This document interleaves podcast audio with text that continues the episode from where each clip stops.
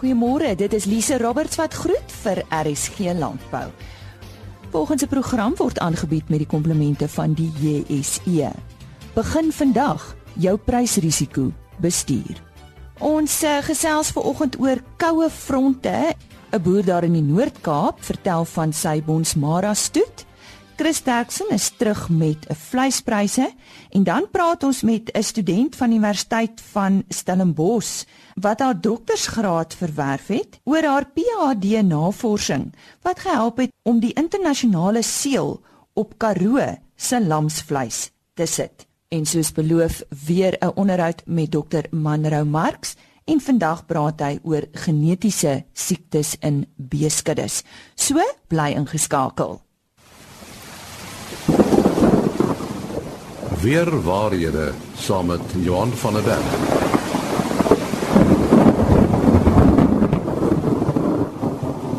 Ja, dis al weer tyd om te gesels oor weer waarhede uh, saam met Johan van der Berg van Santam Landbou. Koue fronte. Ja, Johan, dit is daai tyd van die jaar. Eintlik die ouens in die Kaap uh, wens natuurlik daar kom 'n koue front, nê. Nee. nee ja, ek dink almal sit in 'n groot afwagting vir die koue fronte wat moet deurkom en tot op hierdie was almal min gewees nog. So net om 'n bietjie agtergrond te gee, wat is 'n koue front? 'n Koue front ontstaan wanneer 'n groot massa koue lug onder 'n warm of 'n massa van warm lug in beweeg. Nou die lugbeweging is as gevolg van temperatuurverskille uh en dan ontstaan daar lugdrukverskille. So hier naby die ewenaar is dit warm en ons kry daar dan uh warm lug wat daarvan beweeg en van die pole se kant af koue lug. En wanneer hierdie koue lug en die warm lug bymekaar kom, dan vorm dit 'n front of 'n lyn. En dit meng nie want die koue lug is swaarder as warm lug.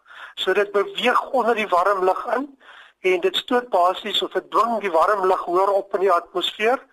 En dit is hoe die reën in die in die Wes-Kaap of kom ons sê oor die winterreënvalgebied vorm. Dit vorm nie as gevolg van laagdrukstelsels uh soos oor die somerreënvalgebied nie. Uh die koue front wat onder die hoë wat onder die warm lug in beweeg, uh veroorsaak dan dat die lug styg en die lug wat opgaan word koeler weer en dit vorm dan reën. So soms is daar nie reën saam met die koue front nie. So ons moet net dit ook mooi besef, 'n koue front is nie is nie altyd geassosieer met reën nie. Want daar moet genoeg vog wees in die warm lug uh wat in die atmosfeer opgedruk word om te kondenseer en wolke te vorm. So partykeer kom maar 'n koue front deur en met baie min reën. En soms is die koue front ook nie sterk genoeg uh om die uh, warm lug hoog genoeg in die atmosfeer op te druk nie. So uh, koue fronte is nie altyd geassosieer met reën nie, maar dit is hoe die Wes-Kaap of ons winterreënvalgebied die grootste gedeelte van hulle reën kry. daarmee saam uh die koue front uh veroorsaak gewoonlik nie donder weer nie. Dis 'n baie stil stelsel, daar's redelik sterk wind wat aanvanklik gepaard gaan daarmee, maar uh, baie min donder weer. Uh die donder weer wat gewoonlik voorkom in die Kaap oor die winterreënvalgebied is as gevolg van somerreënvalstelsels wat baie diep en ver wes en dan suidooswaarts beweeg. So in die winter baie min donder weer. Hierdie hierdie koue fronte, uh, die oorsprong van hierdie fronte is waarskynlik nou maar die suidpool, né? Nee? Dit kom van die suidpool af. Dit dis die dis dis 'n massa koue lug wat as gevolg van die draaiing van die aarde en dan uh hierdie neiging van koue lug na wanneer warmer gedeeltes en warmer lug na kouer gedeeltes. Maar dit kom van die van die van die suidpool af. En 'n mens kan dit baie keer so as 'n arm sien wat omtrent loskom uh so onder van die van die poolse kant af. En 'n mens sien dit ook as 'n mens na sinoptiese kaarte kyk, hoe hulle dit teken, dis so 'n geboë lyn uh met driehoekies wat wat dan op die kaart wys waar die front dan deurkom.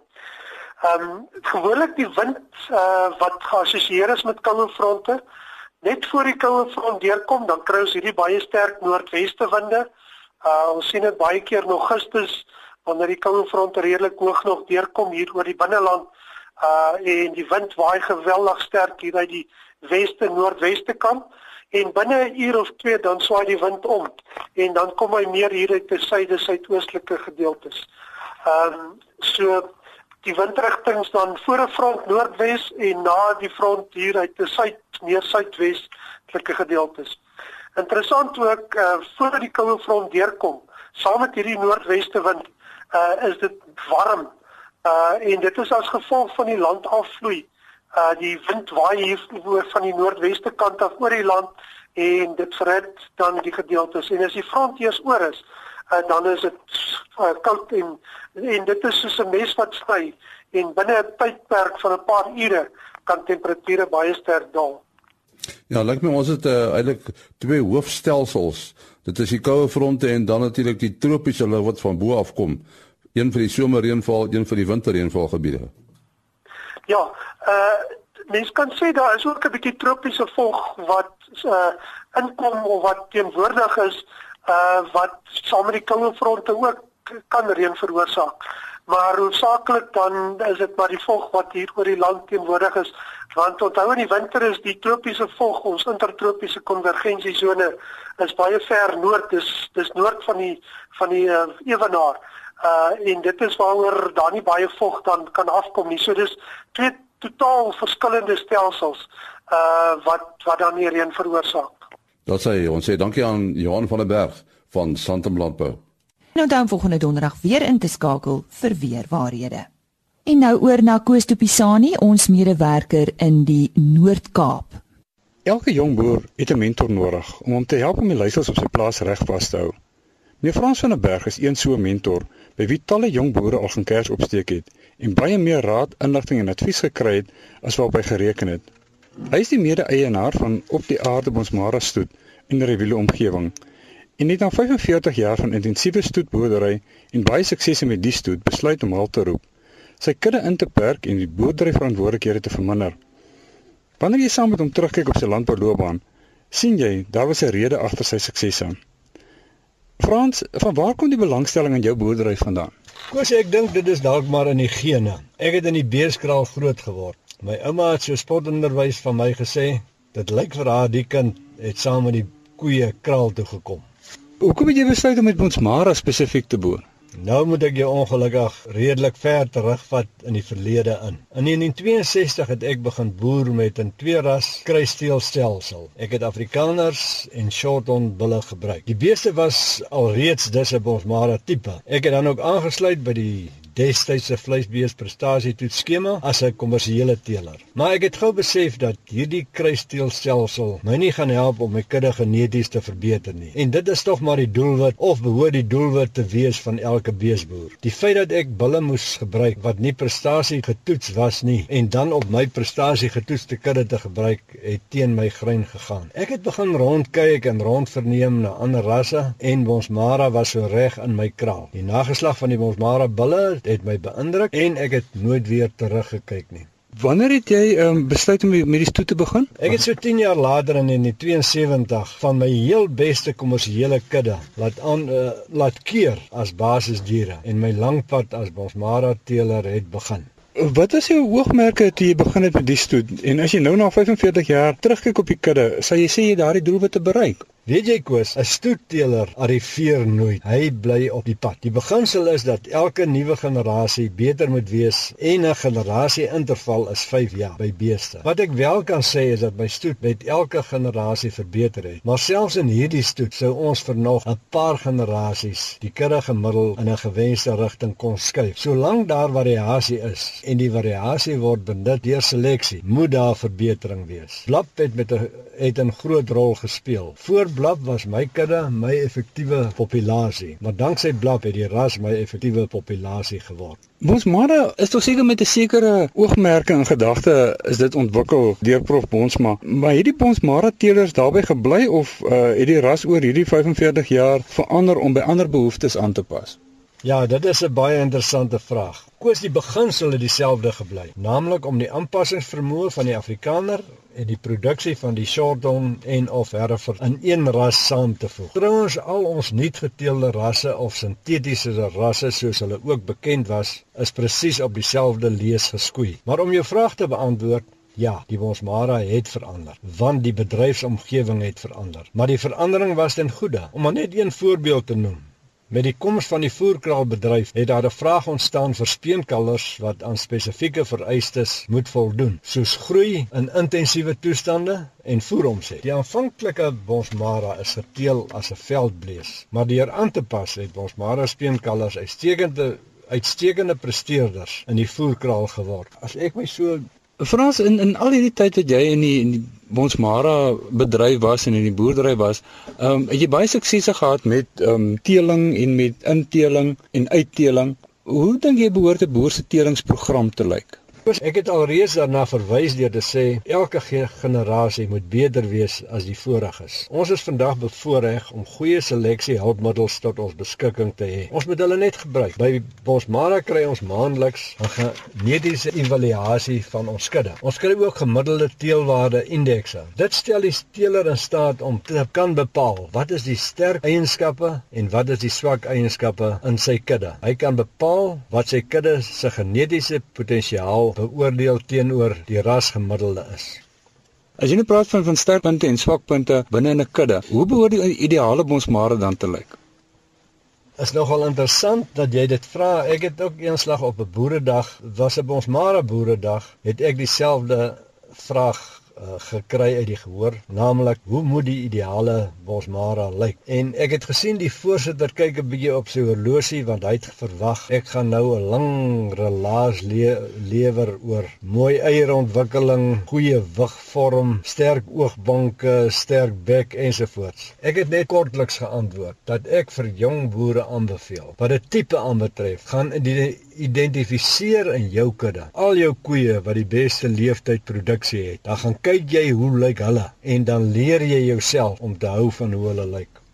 Frans, jy was so 45 jaar in die stoetbedryf en dit is tog iets wat in 'n mens se bloed, uh dit sit in jou bloed. Wat beplan jy vorentoe?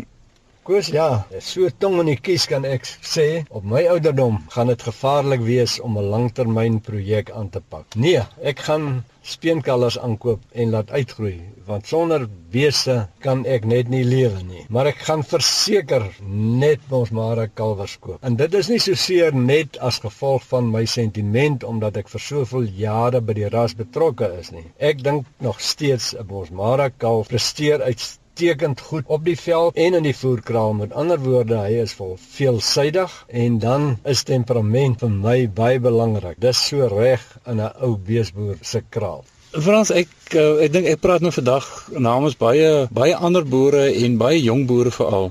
En ek dink die werk wat jy in 45 jaar in die landbou ingesit het, is eintlik van onskatbare waarde. En ek wil ook sommer namens die ehm um, die boerdery gemeenskap vir jou sê baie dankie vir dit wat jy vir landbou gedoen het. Ons sê dankie aan Koos de Pisani, ons medewerker in die Noord-Kaap wat daar met Frans van der Berg gesels het. En indien nie daarvan bewus is nie, maar 'n vleispryse wat gebruiklik op maandag uitgesaai is, word nou op donderdag uitgesaai en dit is sommer so 'n 2 dae nadat hierdie vleispryse behaal is. En oor nou na Chris Derksen en dit is die pryse wat behaal is by veilinge in die Noord-Vrystaat en die datum van hierdie veilinge was 6 Junie. Chris? Baie lekker om te rapporteer as pryse so sterk is en ek kan nie eers sien dat pryse sal afgaan nie. Dit is regtig 'n voorreg om sulke mooi pryse aan te stuur. Speenkalvers onder 200 kg het gegaan vir R33.82 van 200 tot 250 kg R33.48 en oor 250 kg R31.66. A klasse R26.83, B klasse R22.34, C klasse vetkoeie R21.79 en markkoe het gewissel van 16 tot 18 rand 21 afhangend van die kwaliteit. En dan die stoorlam, as jy baie mooi prys van 36 rand presies. Slaglam 31 rand 25. Maaroeie, die baie mooi prys van 25 rand en 9 sent en vetoeie 25 rand presies. En dit was dan Chris Derksen met ons weeklikse vleispryse. Sy kontaknommer is 082 807 5961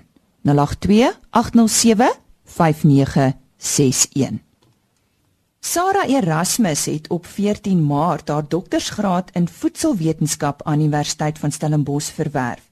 En dit is met die wete dat haar navorsing help staaf het dat daar werklik iets streekspesifiek en uniek aan lamsvleis uit Suid-Afrika se Karoo streek is. Ek gesels ver oggend met Dr Sarah Erasmus. Ek het begin met BC voedselwetenskap en toe het ek oorgeskakel na um om 'n MSc te doen in voedselwetenskap by vleiskunde onder uh, leiding van professor Lou Hofman en so het my studie ontwikkel um dit is opgradeer na PhD en um my onderwerp was op Karoo lam en om die uniekheid daarvan te bewys. Nou hoekom Karoo lam? In die begin was daar groot behoefte want die die boere van die in die Rins om 'n vergewing dis nou by Bredasdorp het altyd gesê maar hulle lam is beter as Karoo lam vleis en dit daar dit daar net vra ontstaan van ehm um, wat maak lamsvleis uniek in die sin van die tipe veiding wat wat hulle ontvang en so dit meer begin ondersoek instel in ehm um, hoe die eterrol speel en hoekom Karoo lam wat ons reeds wat daar reeds so bekende lamsvleis is in Suid-Afrika ehm um, hoekom dit dan of, of hoe om te verifieer dat die eet werklik die lamsvleis uniek maak. Nou waaruit het jou navorsing bestaan en en waar het jy dit gedoen? So my na ek het my navorsing uitgevoer by Stellenbosch Universiteit en ehm um, dit dit bestaan het is ons het dit ons het meer analitiese um, benadering gevolg en um, maar met voedselwetenskap waar waar dit nou um die chemiese samestelling is van die vleis en die tegnieke wat ons toegepas het um het ons toegepas om te bewys dat wat die skaap eet of wat hy inneem um neergelê word in die vleis en hoe dit ons dan daai um half daai bewyse kan lewer deur sê maar komponente wat in die bossies is wat ons dan ook optel in die vleis en dan dit met die tegniek te toets en te bevestig dat dit wel teenwoordig is. Ja, ek wil hê ons moet so 'n bietjie uitbrei op daai bevestiging, ehm um, want dit gaan alles hier oor die manier hoe ons nou hierdie produk wat reg Suid-Afrikaans is bemark. Wat bevestig julle as julle dit bemark? Of as jy dink dit gaan bemark word, want ek dink nou nie dis presies jou werk nie, né? Nee, nee, nou nie so te sê nie, maar dit is net om wel met die bemarking moet jy eers aan die aan jou ehm um, verbruiker kan sê, okay, dit is nou wat Karoo lam is en en wat jy kan van dit kan van van dit kan verwag as jy dit eet. Ehm um, maar met ja, met daardie bewyse wil ons net wil jy so met die toets wat jy vir analitiese toets vir die half dit moet daar beskikbaar wees sodat indien daar jy 'n stuk vleis het dat jy kan toets en kan sê of dit van die karoo van karoo afkom of nie. Maar dan ook net te bevestig dat half hierdie kennis wat die verbruikers reeds het van ehm um, ja, die karoo lam eet bossies en dit gee dit 'n unieke smaak dat dit wel um wetenskaplike bewys dit is dit te kan sê dit is dit wat dit wat daai unieke smaak vir die vleis gee. Watter rol speel vet? Wel, ek sê die rol van vet, um ja, vet het ons gevind speel 'n pertinente rol van die komponente wat ons gevind het in die bossies kom hoofsaaklik in die vet voor. So daai buitenste laagie op die chop, dit kan jy eintlik gebruik om te toets. Um en ek weet nie of jy al gesien het nie, maar binne sê maar in jou jou lampstoppie sal jy sien dat jou intramuskulêre vet ehm um, kom ook voor en daai komponente is aan vasgevang binne daai laagie binne in jou in jou of binne in jou chop en ehm um, dit gee dan daai unieke smaak of gee hoofsaaklik daai unieke smaak in jou vleis. Nou, jy's ook Nederland toe. Wat het jy daar gaan doen, Sarah? So in Nederland het ons die PTR-MS um, tegniek toegepas. Dit is 'n lange proton, proton transfer reaction mass spectrometry en um, wat wat hierdie tegniek doen, dis 'n vinnige manier om daai daai skakel te bevestig tussen jou bossies en jou en jou vleis. So wat is wat dit doen is dit tel daai uh, vlugtige komponente op en jy kan dan dit gebruik om te diskrimineer en te kan sê is hierdie vleis gerolam of is dit nie. En ehm um, ja, dit het ek in Nederland gedoen en ehm um, in by Rikkel, dit is 'n navorsingsinstituut by Wageningen Universiteit en hulle is van die voorlopers in hierdie tipe van toetse om ehm um, streeksverbonde produkte se uniekheid te kan bevestig en ook om ehm um, half ehm um, te kan ehm um, toets of dalk sê maar op die op die ehm um, markprodukte is wat nie al hoort nie. As ek dan daarvan praat bedoel ek dis produkte op die mark soos hulle doen fonds hulle doen toetse op olyfolies ook waar hulle kan sê is dit werklik hierdie olyfolie wat wat ehm um, wat hierdie streek naam het ehm um, die produk in die bottel is dit werklik daai produk om in Suid-Afrika 'n produk eh, te registreer as as eg Suid-Afrikaans eg Karoo lam. Wat word benodig? Want ek sien in Oktober 2016 het die Europese Unie moes hulle iets toestaan of iets bevestig. Verduidelik bietjie vir ons wat dit behels. Alhoewel wat daai behels in professor Johan Kirsten hy het al baie werk gedoen rondom om Karoo lam um te registreer as 'n streeksunieke produk van in die Europese Unie. So wat wat daai um erkenning toelaat, dit is met 'n um ooreenkoms tussen die Europese Unie en die Afrika lande. En dit voorkom net dat byvoorbeeld die naam Carolam nie misbruik kan word in Europa nie, soos byvoorbeeld die bemarking van skaapprodukte in ander lande nie of van Carolam nou in ander lande nie. En om dit te kan kry, ehm um, hulle is het vir onder hulle het byvoorbeeld die Kilometer of Origin sertifiseringsskema. En as boere onder dit is, kan hulle hulle kan hulle daaronder val en daai beskerming geniet wat hierdie skema bied om dit ja, om die skaap en persoon daai ehm um, aspek te beskerm. En ja, so dit moet in plek wees en daar's baie werk daarin het hulle al ingesit om om dit in plek te sit en dit is ook soortgelyk aan ander tipe skemas wat voorkom in Suid-Afrika. Maar gaan hulle nou nie so so noem nie want daar's so verskillende tipes ehm um, soos die Engelse woord die free range en die certified natural lamb en al daardie. Ja, onder daai skema is daar sekere vereistes wat voldoen wat voldoen moet word soos byvoorbeeld die skaap moet ekstensief ekstensief veiding geniet tydens sy leeftyd en dit is net om te verseker dat die produk wat jy op die einde van die dag kry dat dit voldoen aan daai kwaliteit. Goed om jy af te sluit, uh, Sarah, waar staan jou proses nou? Wat wat wil jy nog bereik hierdeur? Half die oomblik, ehm um, ek het nou as ek nou as nagraadse ehm um, navorser by Stellenbosch Stellenbosch vir 'n paar maande en ek wil nou net um, my hoofstukke van my teses publiseer sodat dit net 'n bietjie meer ehm um, Karolam net 'n bietjie promoveer in die buiteland. Ek was nou ook se week terug in Parma gewees in Italië waar hulle ook 'n toekenning toegestaan het deur die PTAMS werk wat se Nederland gedoen het. Wat ja, wat hulle net 'n erkenning gegee het wat dit vir Karolam beteken het en dat dit ook daartoe gelei het dat Karolam beskerming geniet in in Europa. En ja, so ek op die oomblik wat ek vir Karolam doen is om net die werk uit te kry en dit er, internasionale erkenning te gee en dan so sodoende dien dit ook as bewys vir ons unieke lamvleis dat dit ehm um, daai beskerming toekom. En dit is dan Dr Sarah Erasmus wat gehelp het om lamsvleis uit die Karoo uniek te maak in die wêreld. Ons uh, gesels nou weer met Dr Manrou Marx van Unistel en uh, hy gaan hierdie keer gesels oor genetiese siektes in uh, beeskuddes. Is dit 'n groot probleem, Manrou? Ehm um, dit dit is nog nie so groot probleem nie, maar dit uh, kan afstuur dat dit op 'n groot probleem uitloop. 'n uh, Mens moet altyd onthou dat genetiese siektes gewoonlik resessief is. En wanneer 'n siekte resessief is en tot uiting kom, dan is dit altyd 'n 'n redelike drastiese siekte en jy verloor daardie bees.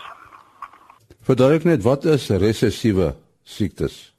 Goed, resessiewe siektes beteken dat die jy uh alle organismes kry een DNA string van jou ma en een van die pa af. Dit beteken dat daar 'n geen verkodeer vir 'n siekte toestand, 'n verandering uh ondergaan het en dat daai siekte toestand dan tot uiting kan kom. Maar omdat daar so nog 'n normale uh, geen teenwoordig is, oorheers daardie geen die siekte en fenotipes word daardie siekte nie uitgedruk in die bees nie. So daardie bees is dan 'n draer van die siekte. Nou sodra twee draerbeeste by met mekaar gekruis word, is daar 'n 25% kans dat daardie twee resessiewe gene bymekaar gaan uitkom en dan gaan die nageslag geaffekteer wees met ander woorde siek. Mens moet onthou draerbeeste, dit is daardie wat een kopie van die van die gesonde geen dra en een kopie van die geaffekteerde geen presteer presies soos normale beeste en kan nie uh onderskei word van gewone nie draerbeeste nie. Natuurlik kunsmatige inseminasie speel hier 'n rol, né? O ja, dit is uh, dit is beslis die waarheid daai omdat kunsmatige uh, inseminasie uh fasiliteer die vinnige verspreiding van 'n bil se se se saad tussen 'n klomp koeie baie meer as wat hy in 'n seisoen kan dek. So die die proliferasie van sy nageslag is baie vinniger en so kan daardie resessiewe geen dan ook soveel vinniger binne in 'n ras vers, versprei. Nou nou word DNA toetse nogal uh, groot gebruik in uh, opplase uh, in veeboere. Ehm um, in Suid-Afrika vind ons dat uh, boere uh, dit wel gebruik.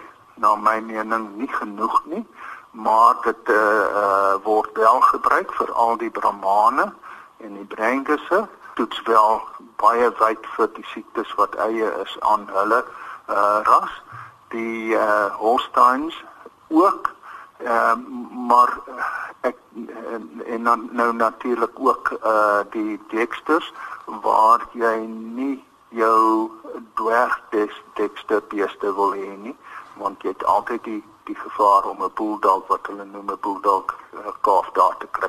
So ja, dit word gebruik vir die uh, die tegnologie word gebruik in in Suid-Afrika, maar dit wil uh, voel ons as wetenskaplikes dat dit nie genoeg omarm word nie.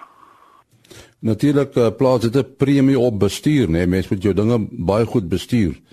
Ja, dit is dit plaas ongelukkig aan die begin 'n uh, uh, bestuur 'n uh, ekstra bestuursverantwoordelikheid op jou teeler uh, in die sin dat sy uh, as hy 'n draer van die toestand uh, uh, uh, gebruik het, sy met met uh, vroulike diere of manlike diere, dan moet hy weet uh, uh, uh, hoe lyk die nageslag en veral as 'n mens daardie geen uit die kudde uit wil elimineer moet jy die nageslag toets en die draers oorskuif skuif na jou uh kommersiële kant en jou nie draers en kom ons noem hulle nou maar 100% gesonde diere kan jy as toet aangaan.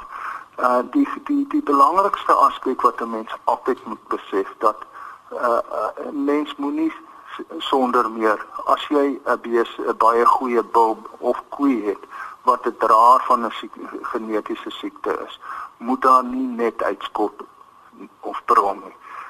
Daardie genetika wat 'n mens dikwels laat verlore gaan uh daardeur uh is is hartseer want en, en daar is soveel ander goeie genetika jy moet net seker maak dat die nageslag wat jy mee aangaan skoon is dan behou 'n mens al die ander goeie genetiese genetiese eienskappe wat daardie beeste dra. Ons sê baie dankie aan Dr. Mandro Marx van Unistel. En dit is dan fluit fluit my storie is uit vir hierdie week. Chris Viljoen môreoggend om kwart voor 5 en so ook saterdagoggend. Daarmee groet ons dan en onthou RC Landbou is vandag aangebied met die komplemente van die JSE. Begin vandag jou prysrisiko bestuur. RSG Landbou is 'n produksie van Blast Publishing. Produksieregisseur Henny Maas. Aanbieding Lisa Roberts en 'n notas koördineerder Jolande Rooi.